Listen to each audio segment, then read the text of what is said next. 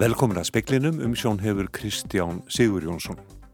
Fjármálar á þeirra bóðar aukinn fjárframlög til heilbriðis og lögjæstumála í breytingartillugu við fjárlagafrumarpið sem var lögð fram í dag. Heildar útgjöldi ríkisins aukast um 50 miljardar króna. Stjórnvöld í Úkrænu segja linnulöysar árásir rúsa og orgu innviði vera þjóðarmorð. Í höfuborginni Kíf er hitin um frostmarka á nóttunni og húshitun víða mjög skert. Íslandingur í Kíf segir ástandi þó þólanlegt þar sem lengt er í veðri. Formaður eblingar segir að kjara viðræður við atvinnureikundur gangi hægt. Hún segir að svo stund nálgist að viðræðin við samtök atvinnulífsins verði vísað til ríkisáttasemjara. Kímurs laurugla hefur yfirheitt mótmælendur í dag og krafist upplýsinga um ferðir þeirra.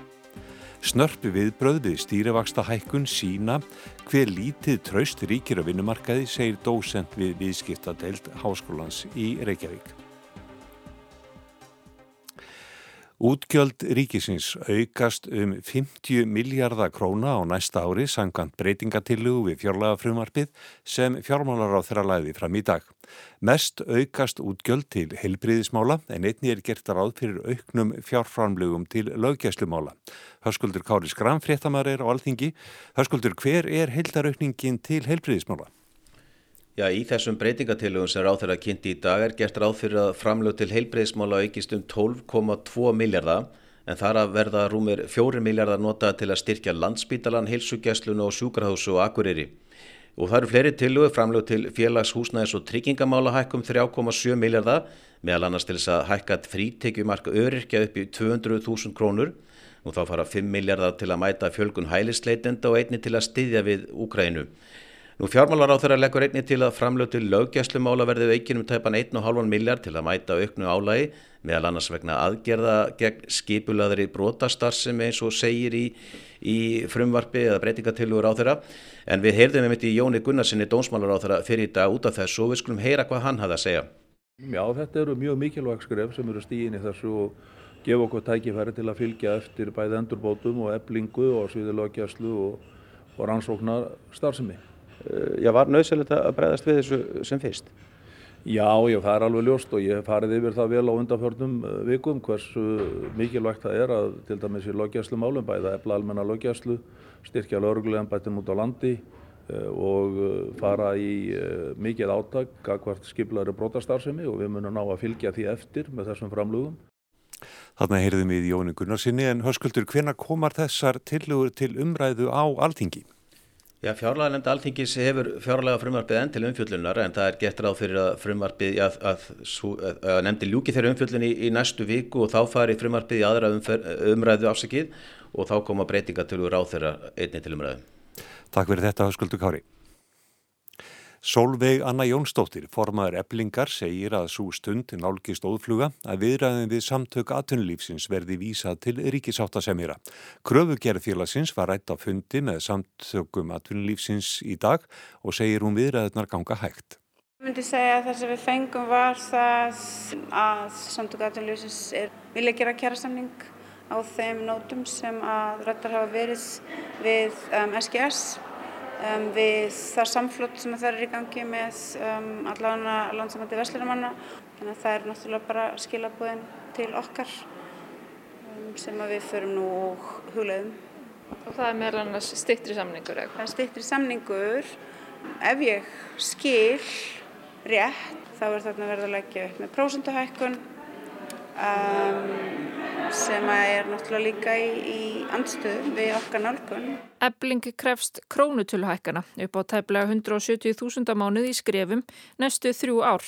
Samninganemnd Eblingar fór beint á fund eftir viðræður dagsins með SA.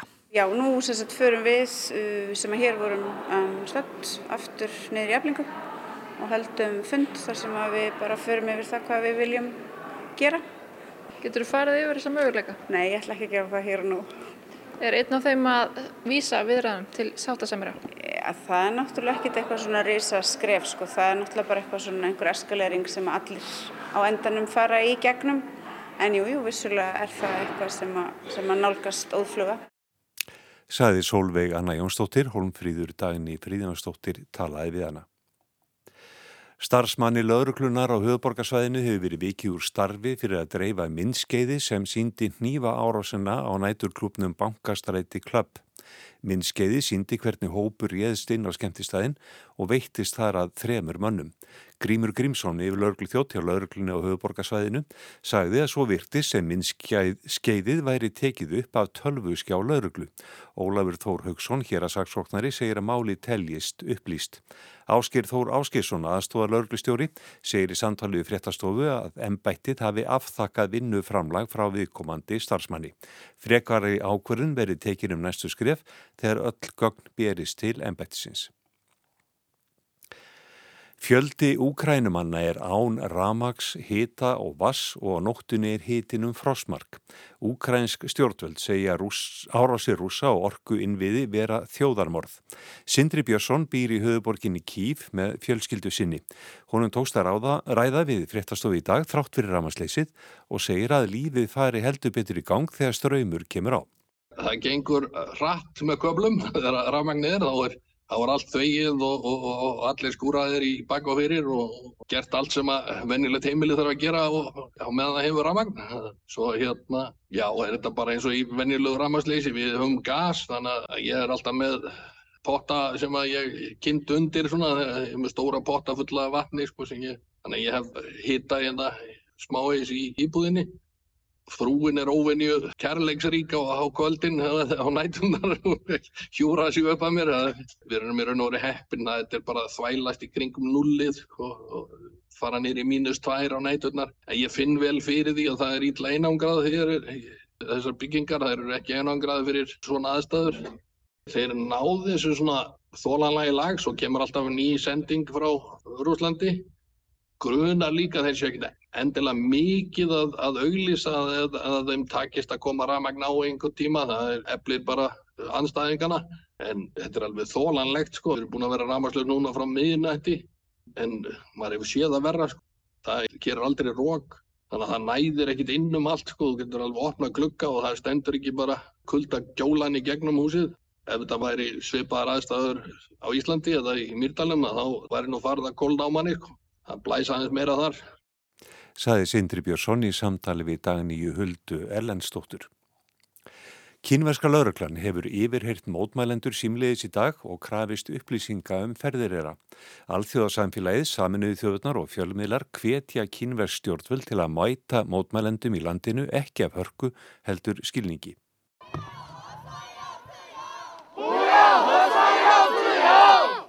Sjálft séð mótmæli brutust út í Kína í gær vegna sóttvarna aðgerða stjórnvalda en þau hafa síðan snúist upp í allsherjar mótmæli gegn stjórnvöldum. Saminuðu þjóðurnar byðla til kýmverskra stjórnvalda að fangelsa fólk ekki fyrir að taka þátt í friðsömmum mótmælum. Þá hafa ímsi leðtóar, til dæmis í Þýskalandi og Bandaríkunum, hvart stjórnvöld til að virða rétt borgara til mótmæla og tjáningar. Íbúar kýmverskra stórborga hafa haldið út á götur og komið saman á háskólusvæðum en kveikja mótmælana var brunni í íbúðarhúsi í borginni Úrumki þar sem tíu fórust. Útgöngubann hefur verið í gildi í borginni í nær hundrað daga og ýmsir vilja kenna því um hvað illa fór. Mótmæli af þessari stærðagráðu hafa ekki sérst í Kína síðan stúdentamótmælin voru kæðin niður árið 1989. Fréttamenn AFP fréttastofunar hafa orði vittni að handtökum mótmælenda í dag. Þá hafa kynversk stjórnvöld unnið hörðum höndum við að afmá öll ummerki um mótmælin af samfélagsmiðlum. Samband Evróskra sjómarstöða, EBU, hefur gaggrínt framkomu kynverskra stjórnvalda í garð fréttafólks sem hefur greint frá mótmælunum. Sambandi segir ástandið í Kína verða sífælt óstöðugra. Fréttastofa BBC greinir frá því að einn bladamanna breska miðilsins hafi verið handtekinn við fréttaflutning af mótmælunum í Shanghai og barinn af lögreglu meðan hann var í haldi. Þá var bladamæður svisneska miðilsins RTS áreittur við störf.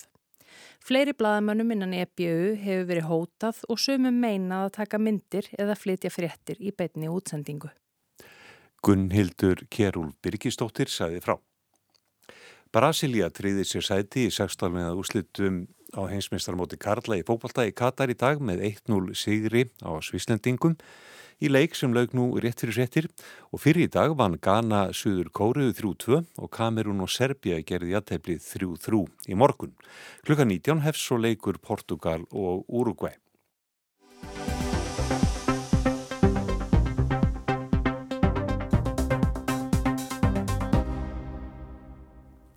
Samtök aðtunlífsins kynntu eblingu við bröðu samtakana við kröfugerð félagsins á samningafundi eftir háti í dag. Fundi var slítið um fjöguleitið og setur samninganend eblingar nú á fundi. Frank kom fyrir í speklinum að Solveig Jónsdóttir, formaður eblingar, telti viðræður við aðtunreiknundur ganga hægt og að svo stund nálgæðist að deilunirði vísa til ríkisáttasemira. Harður vetur í kjærasamningum var mark bóðaður. Lífskjærasamningarnir sem gerðir voru 2019 og gildu fyrir bróðurpart almenna vinnumarkaðarins runnu út um ánamótin eins og alltaf var vitað og við tók samningagerð. Mikil spenna er á vinnumarkaði en við tilkynningu um tíundu stýrivaksta hækkunna í röðum miðja síðustu viku má segja brostið hafi á með kvelli og staðan er, ef eitthvað er, erfiðari en Katrín Ólastóttir dósent við háskólinni í Reykjavík spáði þegar hann tók saman skýrslu í vor um stöðu og horfur á vinnumarkaði í aðdraganda kærasamninga. Það er áhægt að segja það. Það er eh, sjaldan sem að held ég hafi liðið svona stuttu tími frá því að samningar enn út hangið til fyrsta lagi vísa til sáttasemira og síðan eru við náttúrulega eh, búið að slíta viðraðum, allavega stærsta stjættafélagi búið að því. Og jú, það er rétt að tilkynning peningastefnunemndar í síðustu viku, hún uh, hjálpaði ekki til, sem er mjög sérstakt, náttúrulega sínir bara það hvaða er rosalega viðkvæm stað á vinnumarkaði vegna þess að Þælabankin og peningastefnu nefndi er náttúrulega enga aðild að kjæra samningu og það er náttúrulega þetta dagsetning sem er lungu búið að tilkynna að það verði tilkynnt um að eh, um vaksta ákvörðun Vakstaðurum kom mér ofar til að byrja með en svo fór ég að skoða rauksendafæsluna og, og þarna kemur uh, skýrt mjög skýrt fram að einn aðal ástafan er svo að breytingi frá síðasta vaksta ákvörðunu fundi er að gengi hefur farið að gefa sig. Og það er nýtt í þessar þróun sem við erum að horfa hér. Þannig að að það er nöysilegt að aðeins að reyna að stemma stígu við því. Marg oft hefur verið bent á og síðast þegar stýrivextinni voru hækkaðir að enga neysla hefur drefið áfram hagvöxtin hér síðustu misseri. Eru einhver merkið þess að það var að draga úr henni? Ekki, svo við sjáum, uh, nei, það er uh, tölver aukning í enga neyslu en það má náttúrulega líta það að, að í gegnum COVID var mikill spartnaður, við reynlega bara gátum ekki nota þessa peninga.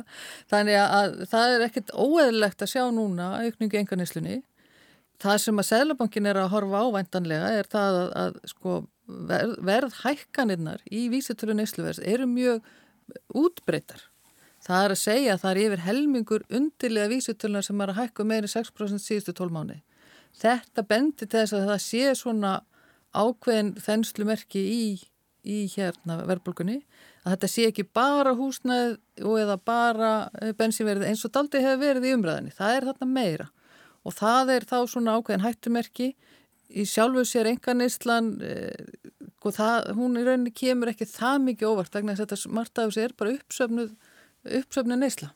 En þú nefndir gengisbreytingar og, og lækkun hérna gengiskrónunar sem að hefur verið núna undarförnum vikum og mánuðum Er það, hvað er það sem að ræður þar eða hvað hefur þar helst áhrif? Það er bara ekkit alveg ljóst hvað nákvæmlega er að gera það, gerast þar sko. Hvort að það er bara óvisa almenn eða hvað það er svona nýtt í okkar hagsögu að við séum með verðbólku án þess að gengi gefi, gefi lát undan. Yfirleitt er það eh, gengis veiking sem að veldu verðbólkunni. Þannig að verðbólka síðustu mánu hefur ofinlega hvað það var þar. Þannig að hvað er að gerast nákvæmlega þarna, eh, er þetta einhver uppsöfnuð áhrif eða er þetta eitthvað, eh, já, einhver óvisa framöndan, það, það geti verið hvort sem er. Ég held að sé erfitt að, eða mér finnst allavega erfitt að segja til um það nákvæmlega hvað er þannig gangi. Ástandið á í samningamálunum og á vinnumarkaðnum, það er, sko, það er lítið aðtunleysi, það er þensla nokkur, það er svona, ég raun og veru, já, jákvæðmerki í mörgu en enga síður þá er alveg ó, nánast óbærlega spennan á vinnumarkaðunum á milli viðsefjandar. Já, þetta, er, þetta ástand er nákvæmlega eins og lýsir í. Það er lítið aðtunuleysi.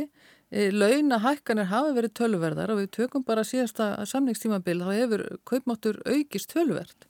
Þó hann hafi rýrna örlítið síðustu mánuðum, þá yfir tímabili sem held. Þannig að, já, uh, staða heimilana hefur sjaldan verið betri, skuldastaða þeirra og, og allt þetta. Þannig að, og ég segi, aturleysi er, er lítið, launahækkanir miklar, þannig að staðan á vinnumarka hvað þetta varðar er allt mjög góð. Þannig að, að það er svolítið sérstakta að horfa yfir á, á það sem verið er að vinna samningum að þar sé svona gríðarlega spenna sem að, að ræður ríkjum. En kannski nýtt, kannski það sem við erum að horfa núna líki þessari samningalóti sem að lítu kannski meira aðtunurreikanda hliðinni sem að ég held að hljóta verið svolítið snúið. Þeim megin er hvað mismunandi aðtunugreinar eru mismunandi stattar. Þannig að sumar komi rosalega vel út úr COVID og bara standa mjög vel og síðan eru aðra eins og ferðarþjónustan sem að bara eru mjög veikar eftir, eftir COVID. Þannig að ég held að þetta hljóta vera aldrei svona snúið máli í höndunum á SA hvernig á að síðan að gera kjara samlinga þar sem allir fá sambærlega launahekkanir. Þó að ferðarþjónustan hafi náttúrulega laskast mikið í faraldrinum þá hefur viðsnúningunum verið þar mjög hraður. Hann hefur verið mjög hraður og í rauninu miklu hraðar heldur nokkur áttu vona á. En enga síður þá eru þarna nokkur ár sem eru, var engin, engin, engin umsef í, í ferðarþjónustunni þannig að þetta er náttúrulega uppsefnið áhrif, áhrif þar. En jú, um, umskiptin þar voru miklu hraðari heldur en held ég nokkur áttu vona á. Þú uh, tókst saman í vor í aðdraganda kjæra samninga skýrsluðu þar sem þú veldir vöngum yfir stöð og horfum á vinnumarkaði finnst þér verið að ganga eftir þar sem þú sást þá vera í gangi? Ég held að staða sé svona við, miklu viðkvæmur heldur ég átti vona á. Ég átti nefnd að vona að það erði átök og það erði svolítið erfitt, erfitt staða en ég held að þetta sé eða bara gerast hraðar heldur ég átti vona ég átti nú vona kannski að átök myndi ekkert byrja fyrir kannski eftir ármút en uh, ég held að það sé svona uh, þetta sé mjög tvísins það á svona er, erfitt að, að vinna úrinni. Við vísum til að sér upphafi að, að þessi ákvörðun og ekki tilkynning Sælabankars í síðustu viku hefði sprengt upp þegar viðkvæmt ástand en átti Sælabankin annar að kosta völ? Þetta er, sko ef þú horfið bara á lögin um Sælabank og peningastöfnu nefnd og þá er, er nefndin að gera bara nákvæmlega það sem hún á að vera að gera. Þetta er bara hennar hlutverk. Náttúrulega ef að fólk hefur aðra skoðanir þá þýðir það bara það að það þarf að breyta lögunum. Þannig en þá má líka spurja sig, ok, það sem að peningastefnunemnd er að gera þarna er reyna að stemma stígu við þenslu og veikingu og útliti meiri, veikingu krónar og útliti þar með meiri verbolgu. Þá má alltaf spurja sig, sko, það er náttúrulega fleiri hagstjórnar aðlar þarna staðnum, að það, hvort að það er þá ekki að beina ljósunu að, að hinnu hagstjórnartækjunu, það er að segja ríkisfjármálunum og þar má sjá að, að þar eru tæki sem er hægt að beita miklu meiri nákvæmni. Ef við segja að sko vaksta hækkanir lendir náttúrulega illa á þeim sem að skulda og verðbólgan lendir mjög illa á þeim sem eru með lægri tekjur. En ef þú ferð inn í, í hérna ríkisfjármálstöfnuna þá er tildölu auðvelt að, að tilkynum skattahækkanir á þá sem eru á efri parti tekjudreyfingarinnar og þá nærðu inn kannski miklu svona fókuseraðari viðbröðum við, við þenslunni. Óskastaðan væri auðvitað að atvinnureikandur og stéttarfélög semdum kaup og kjör sín á milli, segi Katrín, og þar með væri það búið. Eh, hér hefur það skapast svona þessi, þessi hefða að ríkisvaldi komi að og í sumuleiti getur það bara virka ágætlega við svona við að leysa einstök vandamál vegna þess að þar eru jú eins og ég sagði tækin til þess, skattatæki sérstaklega Yfirleitt hefur ríkisvaldi komið að í lókjara samninga, það er ofinnlegt að ríkisvaldi komið svona snemma að og kannski lýsi bara þessu vantrösti milli aðila. En í stað þess að ríkisvaldi skipti sér minna af samningum er þróunin öfug. Að maður Katrínar er það þá ekki endilega óeðlegt í ljósi ástandsins. En umræða um skamtímasamninga segir hún endur spekla líka skort á trösti. Ef við gerum skamtímasamninga þá verður það eiginlega verið í trösti þess að að það sé minni óvisa þegar því tímabili líkur og eins og staðin er núna þá er ég ekkit vissum að staðin verði eitthvað en öðruvis eftir ár. Verður minni ólga í meðal e, eh, stjættarfélagana stjættarsambandana, það er einspurning verður búið að leysa úr stríðin í Úkrænu sem er náttúrulega það sem er mjög mikið að tripla alþjóða eh, þróunina Þannig að auðvitað æskilegast að setjast niður og gera langtímasamning, það, það tryggi best stöðuleika til framtíðar vegna þess að það er jú vinnumarkan er alveg gríðarlega mikilvægur í bara efnæðslegu sammingi. En uh, ég held að samt hvort að það er eitthvað raunhæft að gera þryggja ára samning núna er ég ekki viss. Auðvitað er alltaf markmið að ná samningi og ná frið á vinnumarkaði. Kanski er bara skamtíma samningur einu, eina, segja, einu, einu valkostun eins og er, ég veit það ekki. Saði Katrín Ólarsdóttir, Anna Kristín Jónsdóttir talaði við hana.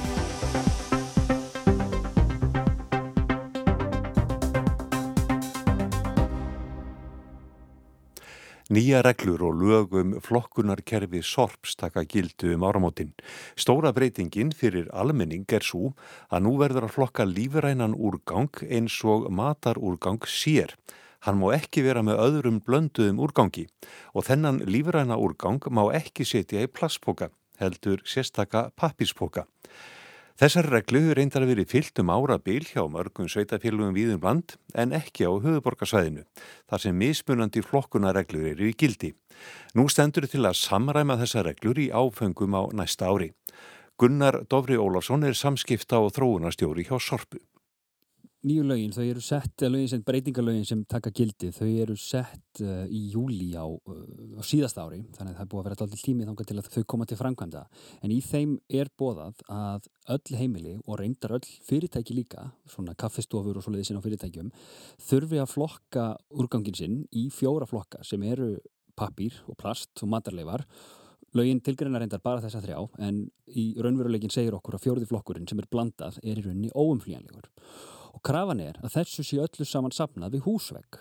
Og mannamáli þýðir það að það þurfa að vera að minnstakosti fjórir flokkar af úrgangi við hvert hús. Við í rauninni hvort sem það er þá sérbíli eða fjölbíli og sömu sögu er að segja um fyrirtækin.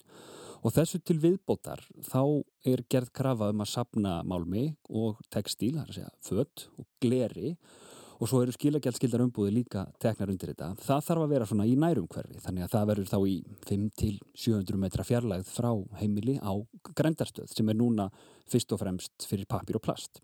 Og þetta er auðvitað umtalsveit breyting á höfuborgarsvæðinu. Ekki bara það að það eru þrjú mismunandi söfnunarkerfi í gangi á höfuborgarsvæðinu í dag sem er í sjálfu sér ótrúlegt að þegar þú ferði yfir fósfóksdalina þá skiptir um flokkunarkerfi og þarfst að læra hugsanlega nýtt kerfi þegar þú heimsækir börnininn eða og afa og, allt í skrall.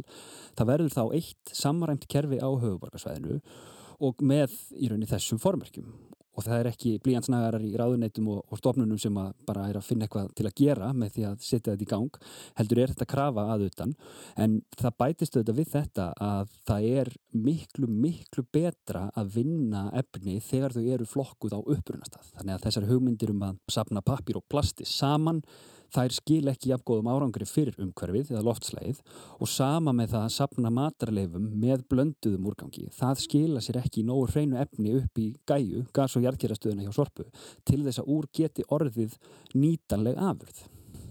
Nú er eflaust uh, flestir vanni því að flokka plast og pappir en það er þetta með matarleifarnar sem að vefsóldi fyrir fólki. Hvernig á almenningur að flokka og, og sapna matarleifum á þessa úrverði og þeifur eða verð? Akkurat. Þetta er sko og ég get sagt þetta að ég er búin að vera bara að gera þetta núna undanfatna vikur heima hjá mér. Þetta er svona hérumbil það auðveldasta sem ég gerir á eftir því að busta þennunar. Þannig að þetta er engin gemvísindi. Þetta er eitthvað sem að fólk utan höfuborgarsvæðisins hefur verið að gera núna í sko, meir en áratug, bæði Stikisólmi og Akureyri og Víðar. Mér er bara tamt að nefna þessa tvo bæja því þeir eru mér mjög kærir, en Suðurlandi líka og Víðar. Þannig að það er kannski stóra breytingin. Annað í þessu er að, að við þurfum að segja skilið við plast eða lífplastpoka utanum matarlegaðnar af því það er krafum það að þeim verði sapnað í brevpoka sem verður þá dreift á heimili og síðan dreift með hætti sem að við erum ekki alveg búin að skilgreina nákvæmlega eftir það. Ástæðan fyrir því er að plastpokar og lífplastpokar þeir jarðgerast ekki í jarðgerðaferlinu í gæju þannig að það verða agnir eftir sem að við upplifum bara sem plast og þegar þær fara í tæri við náttúruna þá fjúka þær bara um og brotna ekki niður í moltu eins og þær myndu gera ef ferlin væru lengri heldur brotna bara niður í örplast. Pappirinn hins vegar, hann verður bara að moltu og það þarf svona aðeins að huga þessu en hafandi gert tilröndi með þetta sjálfur þá bara, þetta er ekkert mál og það er svo skemmtilegt líka að sjá að það sem verður eftir í, í blönduutuninu eru bara einstakka tyggjó og, og sko COVID-gríma sem ég fann þegar ég var að riksuga undir rúmi hjá mér. Þannig að fólk það setur matarleifa í þar til gerða pappíspoka inn á heimilinu og sá pappíspoki hann fer síðan í sér tunnu. Nákvæmlega.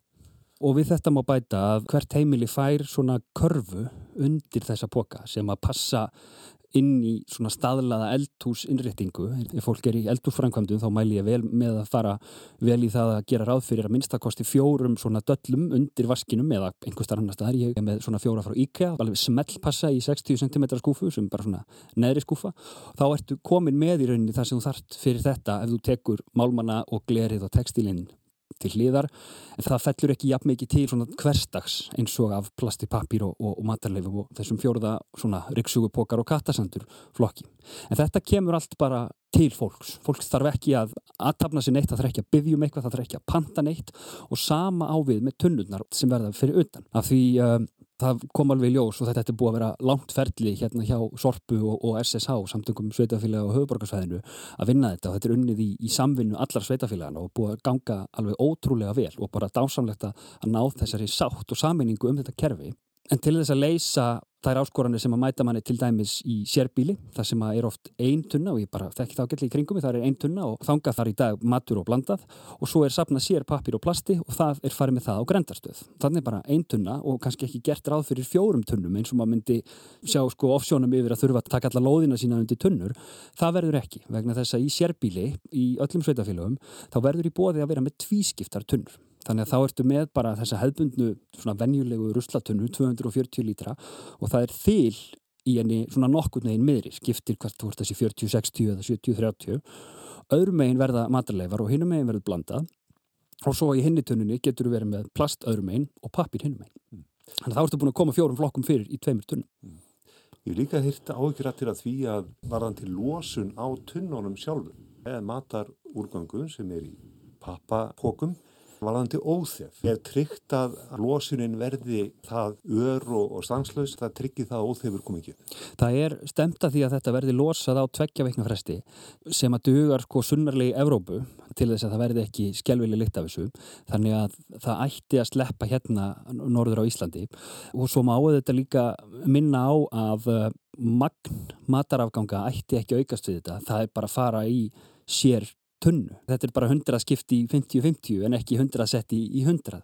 Þannig að ef það kemur ekki lykt úr, úr sko blandaða ruslinuðinu í dag þá myndir maður svona leiða líkur að því að það kom ekki lykt úr, úr flokkaða ruslinuðinu þegar það er komið. Það getur auðvitað gæst og það verður bara ímislegt sem mun komið ljós sem við þurfum að takast á við þegar það að kemur en við gerum ekki ráð fyrir því að það verði vandamál. Þessar reglur það taka gildum áramótin en það er ykkur aðluna tími, þetta gerist ekki eittur og þrýr.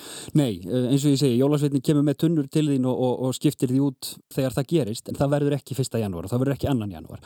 Þetta verður á vormánuðum, ég, svona það stemta því að byrja þetta í mæ og tegja þetta allavega í Reykjavík yfir á haustmánuði á næsta ári. Bara vegna þess að það eru Reykjavík skipt upp í, í hvort þessu 6 eða 9 svæði og það tekur nokkrar vikur að, að taka hvert og eitt. Á meðan að sveitafélagin í kring, hérna krægin að þau ætla að taka þetta miklu hraðar. Þannig að einlegningin þar ætti að, að klárast bara á nokkrum vikum eða mánuðum í hverju einu fjölbílishús, húsfélög í fjölbílishúsum, þau þurfa að fara að hugsa sem gang núna, er ekki? Sko já og nei, vegna þess að þau þurfi sjálfur sér ekkert að gera. Það er engin pósitív skilda á neittna að hafa samband við sitt sveitafélag en eitt svo leiðis, heldur munu einfallega tunnur koma við hvert hús, hvort þetta er sérbíli eða fjölbíli, út frá ákveðinni forskrift, út frá því hvað eru margar tunnur þar núna. Þannig að þetta gerist í rauninni án þess að þú takir eftir því og eina sem þú þarfst að gera er að taka eftir því þegar þú færið tilkynningum það að nú sé þetta gerast og frá þeim tímapunkti þá eigiru að flokka matarleganar. Þannig að það eru ekki annað sem það þarf að gera en það er mjög gott að húsfélög nýti sína aðalfundi sem eru núna á fyrstu mánuðum ársins til að taka samtalið um þetta. Sagði Gunnar Dovri Ólafsson. Veðurhorfur á morgun, spáðir vaksandi suðaustanátt 10 til 18 metrum á sekundu og rikningu síðdeis en hægar á þurft norðan og austanlands. Hlínandi veður, hiti verður á byrjunu 1 til 6 til setnibartin á morgun. En það var helst í speklinu í kvöld að fjármálar á þeirra búðar aukinn fjárframlög til heilbriðis og laugjöslumála í breytingatillu við fjárlæðafrumvarpið sem var lögð fram í dag. Heildar út göld ríkisins aukast um 50 miljardar króna. Stjórnvöldi í Úkrænu segja linnulausar árásir rúsa og orkuinnviði vera þjóðarmorð. Í höfuborginni Kíf er hitin um frostmark á nóttunni og húshitun víða mjög skert. Íslandingur í borginni segir ástandi þó þólanlegt þar sem lengt er í veðri. Formaður eblingar segir að kjara viðræður við atvinnreikundur gangi hægt. Hún segir að svo stund nálgist að viðræðum við samtök atvinnlífsins verði vísað til ríkisáttasemjara. Og Brasilia triði sér sæti í 16 leiðu úslutum á heimsmeistarmóti Karla í fókbólta í dag með 1-0 sigri á Svíslandingum. Fleiri er ekki í speklinum. Tæknimaður var Kormákur Marðarsson, veriði sæl.